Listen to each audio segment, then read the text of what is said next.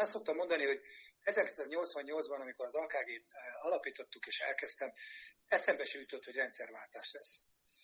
Hogy két év múlva Magyarországon választások lesznek, meg a Szovjetunió összedött. Ilyen föl sem merült az agyamba. De arra se gondoltam, ugyanebben az időszakban, hogy 32 évvel később be kell adnom azt az engedélyt, hogy az az iskola, ami akkor alakult 1988-ban, az még tovább működhessen.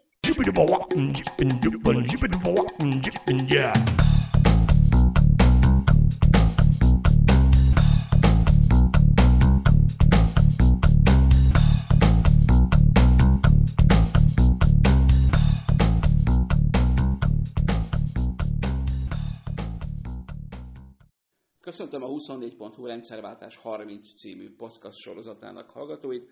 A mai epizódban arról beszélgetünk, mi is történt három évtizeddel ezelőtt a magyar közoktatásban.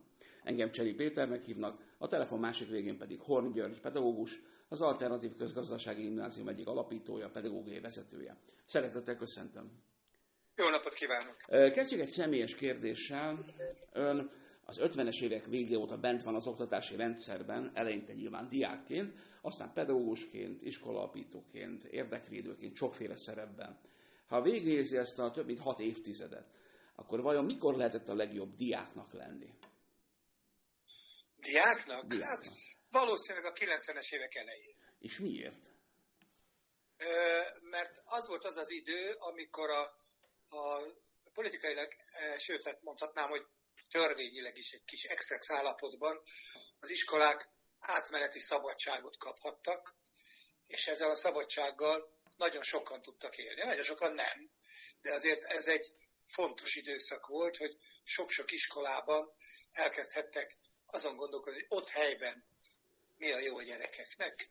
Hogy elkezdtek nem figyelni arra, hogy fölülről mi következik. Aztán persze ez nagyon gyorsan bezárult ez a kap. Ez azt is jelenti, hogy vajon ez a legjobb időszak a tanár és a közoktatás harmadik szereplője a szülő szempontjából is egybeesett? Tehát lehet, hogy mindenki számára ez az időszak volt a csúcs. Nem, azt nem mondom, hogy mindenkinek, de azt, azt mondom, hogy sokaknak. Tehát minden máskor, tehát attól, hogy a pedagógusok hogy mondjam, a saját értékrendjüknek, a saját gondolatmenetüknek, az adott közösség értékrendjének megfelelően figyelnek oda a gyerekekre. Ez persze nagyon sok helyen nem olyan nagyon jó, tehát én ezt nem állítanám, de mégis a hitelességét fokozza a pedagógia legfontosabb eleme. A hitelesség és a pedagógiai munka az egy értelmiségi alkotó munka. Úgyhogy azt gondolom, hogy nem mindenhol, de a leginkább az az az időszak, amikor a legkevésbé kellett fölfelé figyelni, és a leginkább lehetett a gyerekre figyelni. Igen, a kérdésem arra vonatkozott, hogy a közoktatás három nagy szereplőjének nagyjából ugyanabban az időszakban volt, tehát ez a csúcspont már, mint a diáknak, tanárnak és a szülőnek. Tehát hát ez... abból a szempontból nem, hogy ezt, a, a, mondjuk például a szülők közül nagyon sokan éppen akkor vesztették el a munkájukat, és hát ez nem volt annyira azért nagyon jó, mert ez az életfeltételeikre jelentősen romlottak. Tehát ilyen értelemben nem állítom, hogy mindenkinek egyformán, de általában azt gondolom, hogy ez egy ilyen mind a három csoportnak ez, egy, ez volt a mérhetően talán legjobb korszaka. Hogyha csak a pedagógusi pályájának időszakát nézzük, hát az is több mint négy évtized, akkor lát-e valamiféle évet a közoktatási rendszer folyamatos változásában? Haladunk-e előre, vagy egy helyben toporgunk, esetleg egy hullámvasúton ülünk? Hát azt kell mondani, hogy mind a három állítása egyszerre igaz. Tehát nagyon röviden nem tudok erre válaszolni, de megpróbálom. Mi az, amiben, akkor mi az, amiben egyértelműen van fejlődés, előrehaladás ebben a több hát A modernizáció, azért a társadalmi kihívások azért módosítottak az iskolán. De hogy azt kell érteniük, hogy az iskola, ez, ez az iskola, amiben mi élünk, a tömegoktatási intézmény, ez a 19. század végének a találmánya. Ez a tömegoktatási intézmény, amikor a polgári társadalom három részre szakadt életéből, a magánélet, a közélet és a munkahely ami egyrészt persze nagy szabadságot ad, de szabadidőt is biztosít, másrészt viszont betereli a gyerekeket a, a munkahelyre, az iskolába, és kiszakítja természetes közegéből. Addig a társadalom nagy csoportjai, sőt a 17. századig nem csak a nagy csoport, hanem lényegében mindenki, homogén életet él, és az aki, tehát a gróf, gróf, a jobbágy, jobbágy, és a, a gyerekek belenőnek abba, amit szocializációnak, társadalmi feladatoknak hívunk, a felnőtté válás folyamata. Nem is ismerik a 19. század végéig igazában a, a kamaszkort, mint olyat. Na most a, a 19. század végéig kialakult, akkor egyébként nagyon modern tantárgyi, akadémiai tantárgyi rendszer. A tanár 45 perces órán tanít homogén korcsoportot, tantárgyakat. Ez a rendszer, ez érdemben 12. század vége óta nem változott.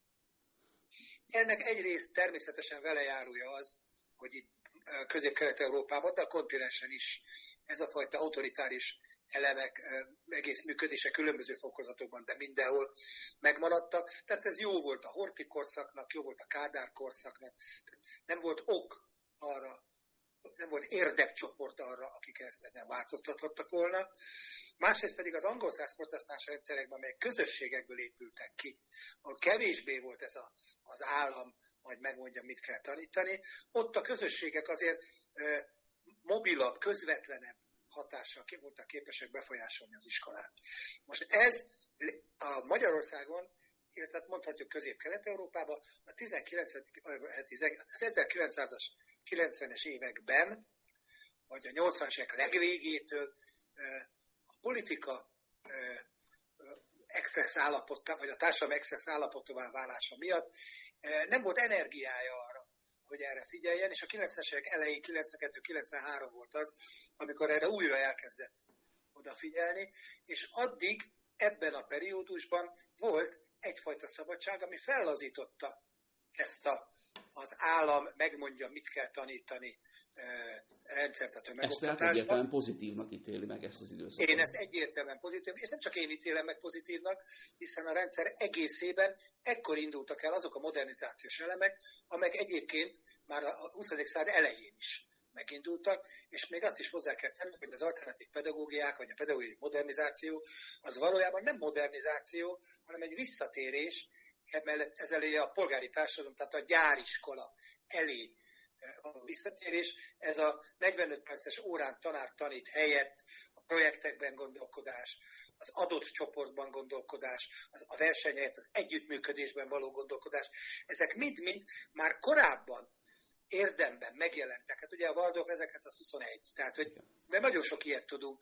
A, a múlt század elejé reformpedagógiák, azok mind-mind már korábban szakmailag át voltak gondolva. Az AKG-nak például a főmondat úgy, hogy a gyerek nem az életre készen él. Én nagyon büszke voltam rá, hogy ezt a 80-as évek végig kitaláltam. Ehhez képest nagyon gyorsan megtaláltam, addig nem ismertem. Klaparédnak, ugye, aki a 19. század végén, 20. század elején svájci orvos egyébként, az a szövege, amiben az a lényeg, hogy a, a béka az nem egy kicsi, vagy az ebihal nem egy kicsi béka, és nem lehet ugyanúgy felnövelni egy ebi halat, mint amikor majd békaként lesz, mert akkor megfullad, ez is a címe. Ez lett a címe az AKG pedig programának, hogy mi az ebi halat pártján vagyunk. Tehát, hogy az a, a, az a gondolat, hogy az iskola abban a formában, abban a rendszerben nem képes működni, ez korábban előkerült, de nem voltak olyan érdekcsoportok, nem voltak olyan ö, döntéshozásban egyáltalán ö, megjelenő társadalmi, vagy akár a gyerekek, akár családok, akik ezt érvényesíthették volna. Ez drágább, sokkal ez a rendszer, mint a 45 perces órán a tanártanulót tanít,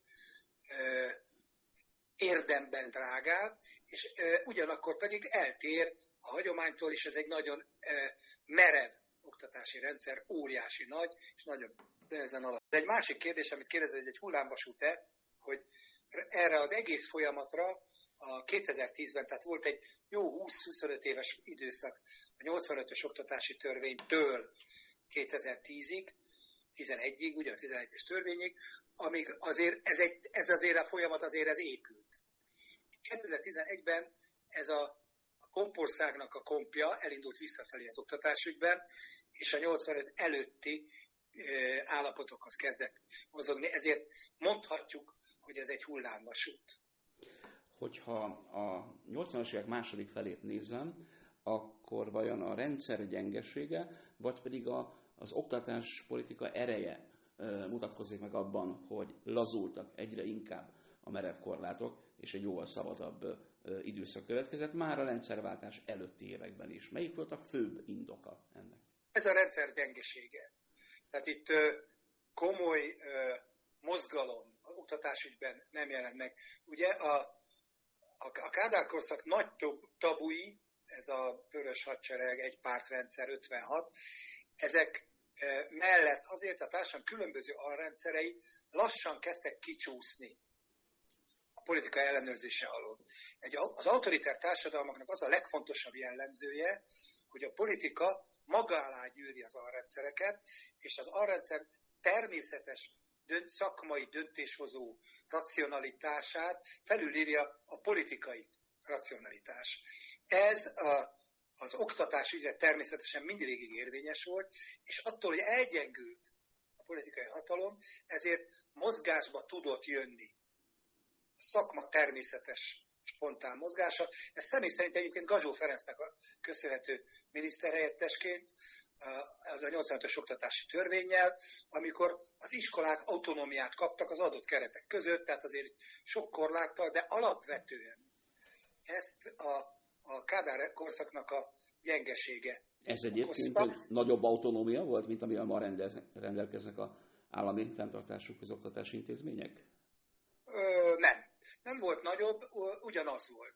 Ugyanis akkor a, a, az iskolák ugye kötelesek lettek valamilyen formában ugye végig gondolni saját hivatásukat, öndefiníciójukat. Egyrészt ez, ez ma is így van, mert a pedagógiai program írási kötelezettséget ezt nem vette el a 2011-es törvény a pedagógusoktól.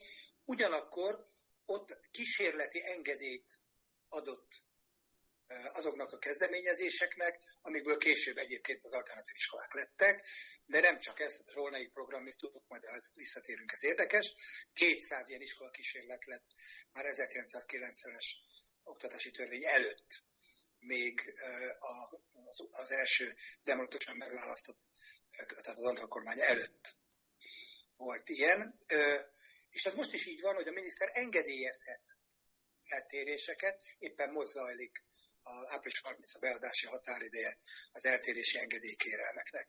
Az egy másik kérdés, hogy ott egy reformpedagógiai irányzatot támogató politikai döntéshozó apparátus létezett a Kazsó Ferenc vezetésével, még most egy eléggé retrográd, ugye ez a, a, a, a bezárkózó, a, a soha nem létező nemzeti hagyományokra építő, teljesen abszurd történelmi politikai igényekkel megjelenő politikai hatalom. Nyilván, nyilván az is különbség volt, hogy a rendszerváltozás előtt a közoktatási intézményekből indulhattak el csak a reformok. Manapság könnyen elképzelhető, hogy inkább a magániskolákból, alapítványi iskolákból indulnak el a pedagógiai reformok, de lehet, hogy ezt nem jól látom.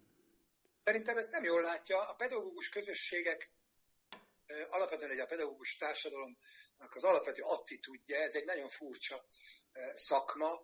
Egyrészt minden nap visszajelzést kap, ami az egyetlen ilyen szakma, hogy, hogy abban a másodpercben, amikor teszek valamit, tudom, hogy jól vagy rosszul csinálom. Ez még a színészeknek se adatik meg, mert a reflektor a szemükbe világít. Másrészt viszont alapvetően ebből következően természetesen egy sikerorientált szakma. Alapvetően az itt dolgozó emberek többsége kudarckerülő attitűdű feladatot akar végrehajtani, és elfogadja azt a fajta hierarchiát, amit éppen a külső általában politikai döntésrendszer rákényszerít. De akkor ez 40 évvel ezelőtt és most is hasonlóan működik, nem? Így van, ez nem csak hasonlóan, pontosan ugyanúgy. Tehát én azt szoktam mondani, hogy 1988-ban, amikor az AKG-t eh, alapítottuk és elkezdtem, eszembe se jutott, hogy rendszerváltás lesz. Eh, hogy két év múlva Magyarországon választások lesznek, meg a Szovjetunió összedött. Ilyen föl sem merült az agyamba. De arra se gondoltam, ugyanebben az időszakban, hogy 32 évvel később be kell adnom azt az engedélyt, hogy az az iskola, ami akkor alakult 1988-ban, az még tovább működhessen. Hogy a, a projekttanulás, a szöveges értékelés, a százalékos értékelés, a személyközpontoság, ezek mind-mind még bizonyítandó eljárások, még mind-mind bizonytalan, hogy e, emellett lehet-e működni, hogy az az egyszerű tény, hogy az alapítványi iskolák, és hangsúlyozom, amit előbb mondtam, az az alternatív iskolákra vonatkozik, és a kettő nem ugyanaz, az alapítványi és az alternatív. Tehát van konzervatív alapítványi iskola. A kettő, az alapítványi iskolák abban különböznek minden más intézménytől, hogy az iskola és a szülő, a család közé nem épül be más elem.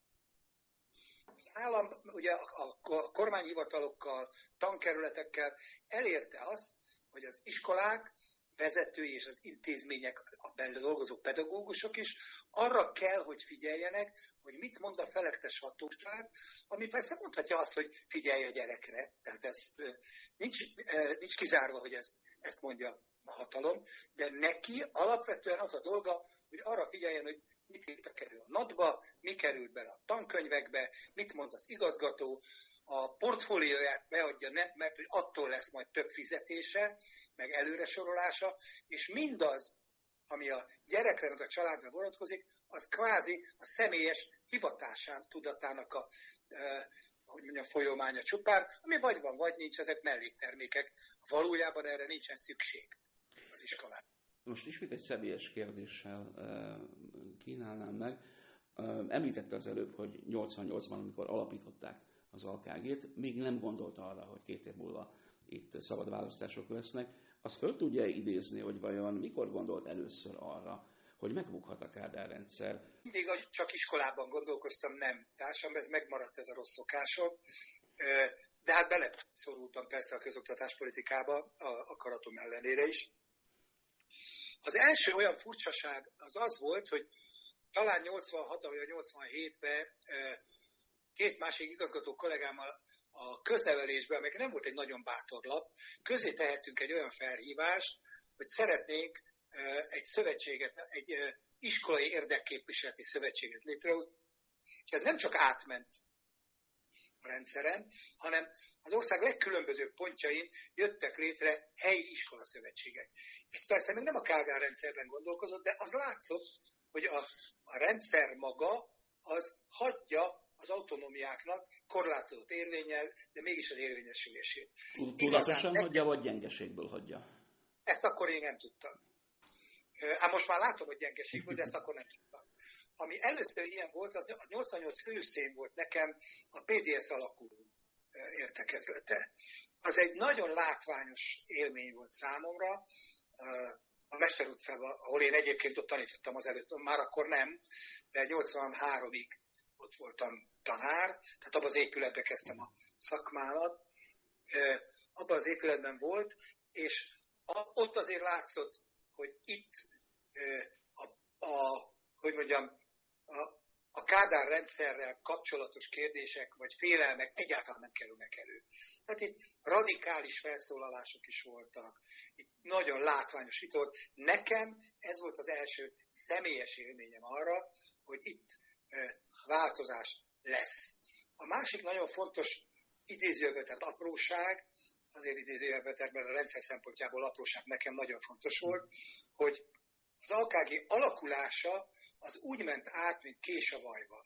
Tehát, hogy mondjam, én ellenállással 1987. januárjában lettem kész az első szöveggel, amire még az édesapám, aki szintén pedagógus volt, hát sőt, még most is az, egy ilyen kis szárnyacskát rajzolt, hogy álom, álom, édes álom, hogy, ennek, hogy ez, ennek minden eleme hétről hétre, hónapról hónapra bővülve, a nyilvánosság előtt megjelenve, tanárokat követve, 1988. augusztus 27-ig, tehát másfél év alatt egy, egy egyszerű szöveg, abból egy valóság lett. Tehát ott állt a nevelő testület, a Budapest 3. Raktár utca egyben. Nem is volt önben kétség vagy félelem e folyamat során? Nem, nem. Tehát az érdekes volt, hogy vállalatvezetőket kerestem meg, hogy abból indultunk ki, hogy, hogy egy autonóm iskola, pedagógus közösség tud-e úgy iskolát csinálni, hogy ezt a, a használókra, szülőkre, jövendő foglalkoztatókra, államra, önkormányzatra bízza. Nemrég meghalt meg Sárkai Tamás, aki egy ilyen kocsmába rajzoltam nekem le, hogy kell, hogy kell alapítványt csinálni. Egy ilyen szalvétára. Hogy, hogy ez minden elemében, a tanárok, a, a nyilvánosság, ugye például az nagyon érdekes, hogy ebben az időben, mivel a politika azért a sajtónak nem volt még ilyen szabadsága, de a, a, ami nem politikai kérdésekkel foglalkozott, annak nagyobb lett a mozgástere. Én ne, engem nagyon sokszor, nagyon sok helyre kerestek azért, hogy nyilatkozunk, hogy megy ez az egész. Tehát megjelent a nyilvánosság előtt. Ez toborozta a tanárokat. A televízió, a rádió, az újságok, csak érdekes téma volt. Hogy a, a minisztérium kísérleti engedélye az, az, nagyon gyorsan, persze ez kellett természetesen Gazsó Ferenc, hogy engedélyezték ennek a dolognak a elindulását, hogy a fővárosi tanács épületet adott ehhez a próbálkozáshoz. Hogy az állami vállalatok, az állami biztosító, a Taurus gumipari kétgyár, a skálakók pénzt adott arra, hogy ezt mit csináljuk. Tehát, hogy volt egy ilyen számomra is meglepő, mozgalmas történet. Megmondom őszintén, hogy azért arra nem gondoltam akkor sem, hogy, hogy a Szovjetunió két év múlva szétesik. De az, hogy itt változás van, azt lehetett tudni. Akkor már.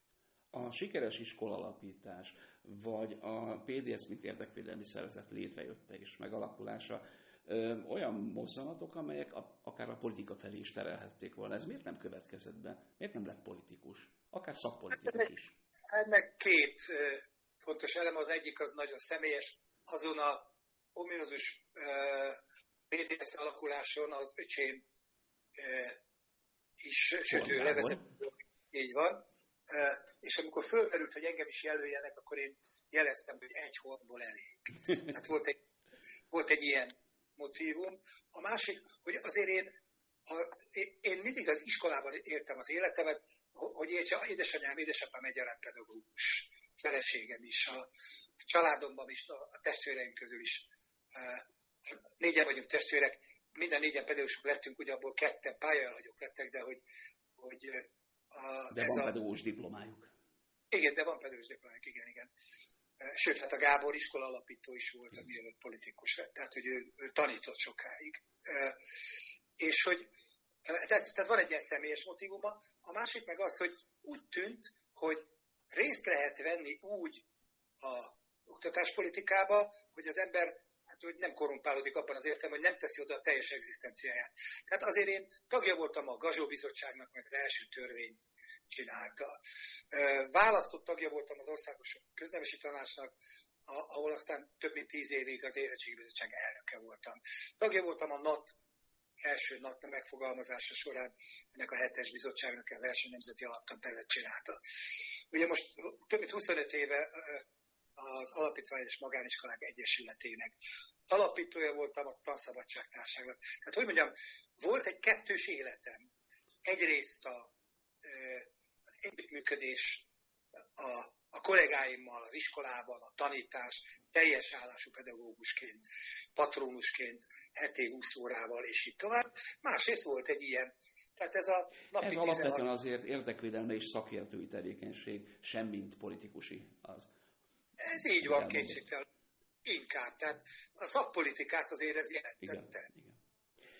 Igen, igen. Ha a rendszerváltás tekintem, mi, milyen, mi minden változás hozott a közoktatási rendszer egészébe, melyik lenne az a három legfontosabb mozzanat, amit kiemelne? Tehát ami a legfontosabb változás történt a rendszerváltással a magyar közoktatásban. Melyik lehet a három legizgalmasabb, legfontosabb? A legelső és legfontosabb az az, hogy volt egy, elérkezett egy idő a 2000-es évek elejéig, amikor az iskola megszűnt hivatal lenni a szülők számára. Nagyon ostobán hangzik, amit mondok, de az, hogy egy nem túl művelt anyuka megpofozott egy tanárt, az azt jelezte, hogy, hogy már nem fél. Attól függetlenül, hogy ez nagyon helytelen volt, és iszonyatos felháborodást okozott, az a tény, hogy az iskola nem hivatal volt, vagy lett, ez egy óriási fordulat, és kétségbe se figyelem, hogy hogy lesz egyre inkább az a feljelentési kötelezettsége a gyerek hiányzik, és így tovább. Ez az egyik.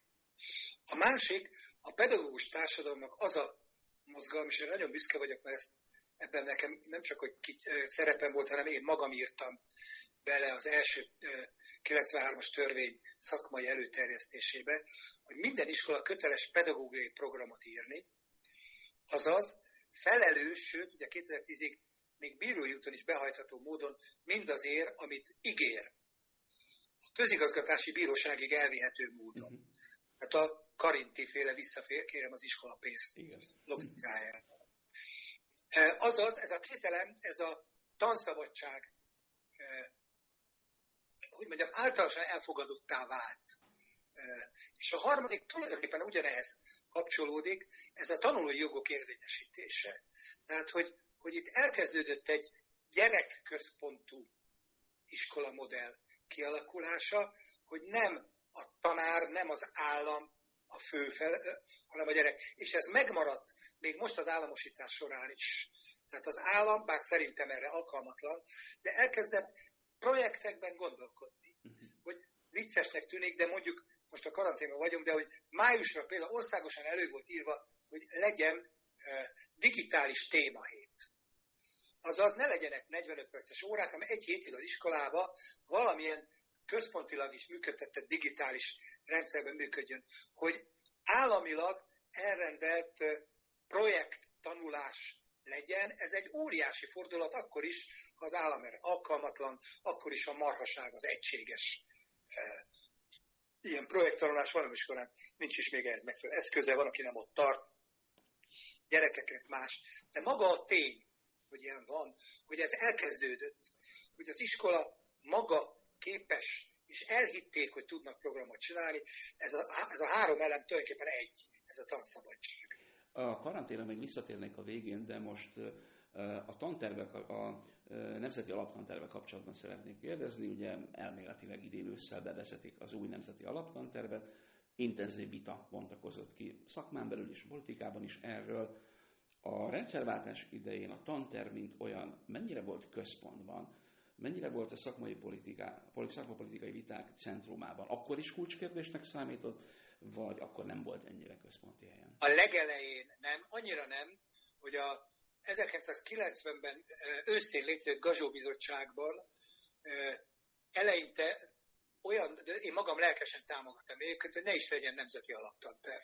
Tehát akkor még magtantervnek hívták, és ezzel párhuzamosan alakult meg a, egy tantervi bizottság, Bátori Zoltán, Szebenyi Péter, leginkább, és aztán amikor Bátori 94-ben államtitkár lett, akkor ezt végig is csinálta, végül is bekerült a törvénytervezetbe egy nemzeti alaptanterv gondolata, és az első nemzeti alaptanterv, ami 96-ban lett kész, az egy rendkívül felemás dolog lett. Egyrészt iskolaszerkezeti módosításba koncentrált, tehát tíz évig tartott volna. A másik, tehát az egy nagyon fontos fordulat, hogyha be a 6 plusz 4-es iskola szerkezet átalkotva nem történt meg. E, tulajdonképpen a, a, közép, a négyosztályos gimnáziumok, szakközépiskolák erős lobby akadályozta ezt meg, hogy az érvényesüljön. El is készült a tizedikes alapvizsga. Tehát ennek egy bemért kész anyaga volt, amit Nagy Lősök vezetésével a Szegedi Egyetem e, vizsgaközpontja készített el. De hogy azért volt felemás, mert egyrészt egy telefonkönyv lett, egy vastag nagy telefonkönyv, másrészt viszont nem volt kötelező, műveltségi területekre vonatkozott, nem tantárgyakra, lehetővé tette, hogy az iskolák pedagógiai programjában bármilyen formában érvényesítsék ezt, és számomra az volt a legfontosabb, hogy voltak benne fehér oldalak, amik nem a konkrétumot, hanem a kompetencia célokat írták ki. Tehát ha valaki úgy olvasta el, hogy csak a fehér oldalait, akkor ez nem egy telefonkönyv volt, hanem egy 31 néhány oldalas társadalmi elvárások alapján mit vár el a társadalom az iskolától. Tehát benne volt ez a modernizációs próba, ami 2001-2002-re egyébként, akkor már ugye Vas Vilmos által koordinált natokba eh, nagy többséggel bele is került. Tehát, hogy volt az elején egy teljes csönd a nat körül, tehát, hogy nem. Aztán utána két csoportra bomlott, majd 94 után ezt a társam elfogadta. Van egy érdekes történetem is erre, ezt egyszer már Széles Sedőnökkel is meséltem, hogy 96-ban, a, a, a, amikor elkészült a NAT, vagy a, nem, 91-ben, amikor először a törvény elkészült, akkor a, egyszer csak megjelent egy ilyen hozzászóló a budapesti akkor vállalkozói főiskola volt, az, az MSZP-nek volt ott a Morizsimot körtéren valamilyen háza, nem tudom mi az. Annak az épületében volt egy ilyen fórum, és ott voltak a törvényt csináló szakemberek, és az valaki fölállt hátul, és felemelt egy, egy szöveget, hogy itt a párhuzamos törvény. Vagyis, hogy miközben készült egy szakmai, független értelmiségéből álló, egyébként vicces, mert az MDF-nek nem volt ilyen csapata, úgyhogy az ott lévő többsége baloldali vagy liberális volt, hogy készült egy párhuzamos anyag. És aztán érdekes módon, hogy a politika szerzi vissza a hatalmát, rövid időn belül ezt a bizottságot elküldték, és az az anyag kezdett el élni.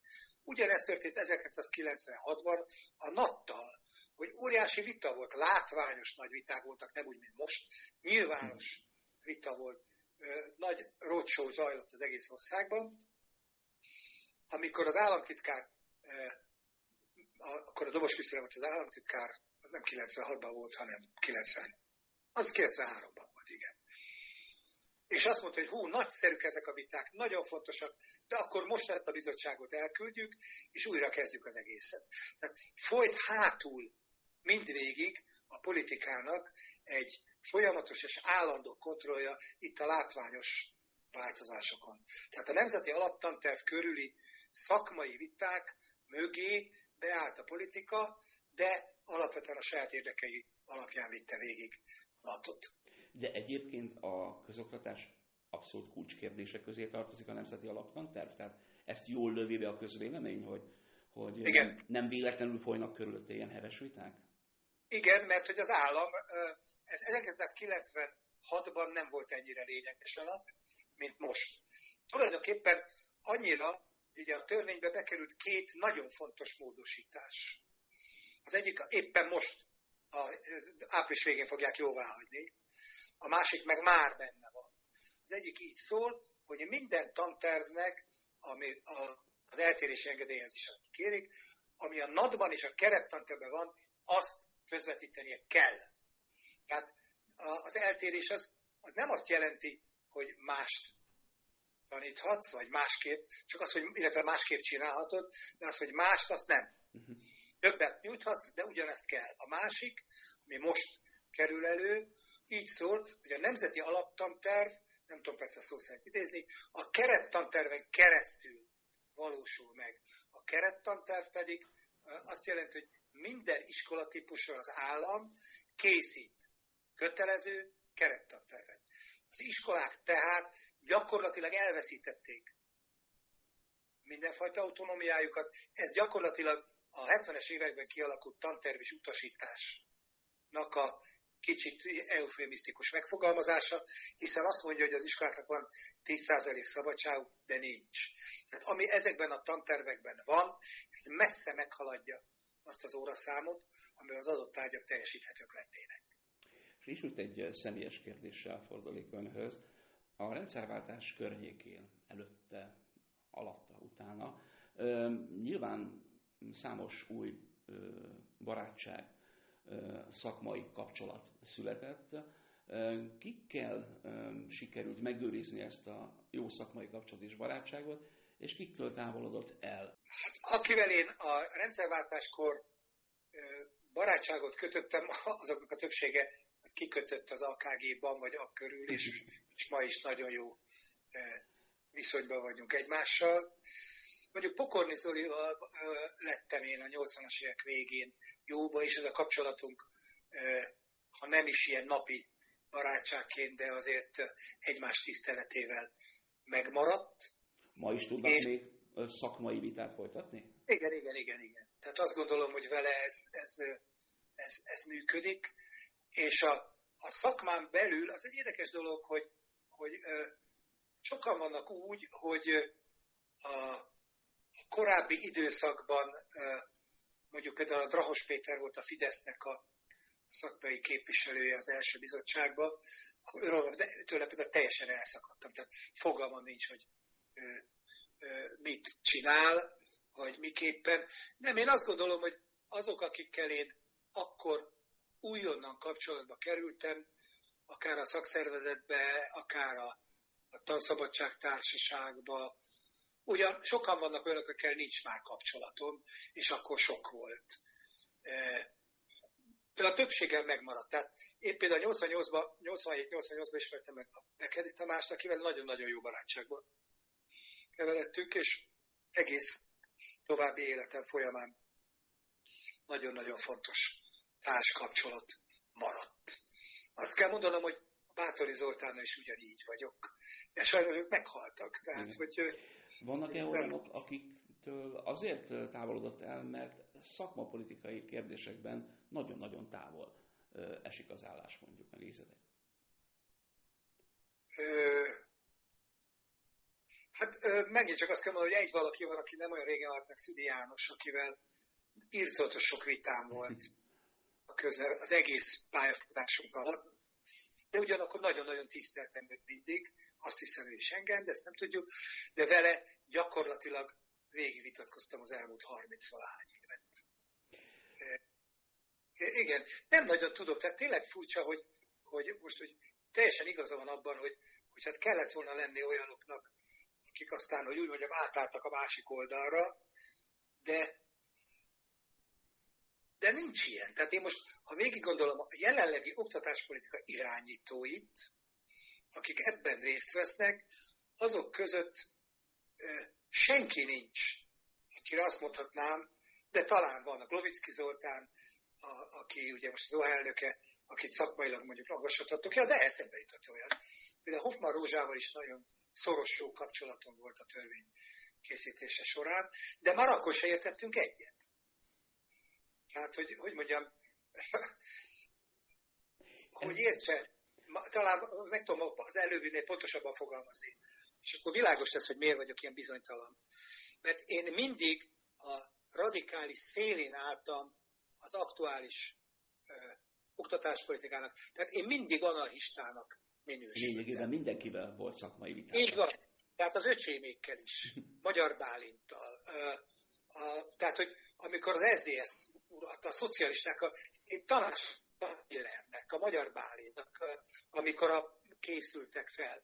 Jobban voltam a Pokorni Zolival, tehát de mindenkinek képest én kicsit kívülálló maradtam. Tehát azért most talán ez a precíz válaszom.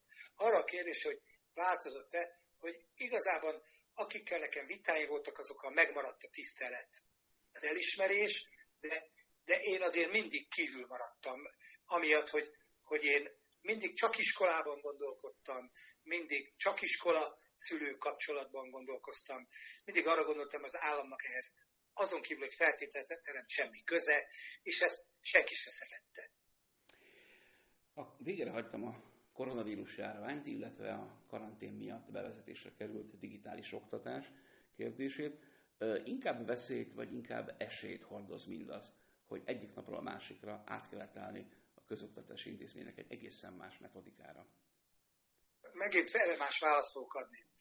Az AKG a digitális oktatást azt öt évvel ezelőtt vezette be.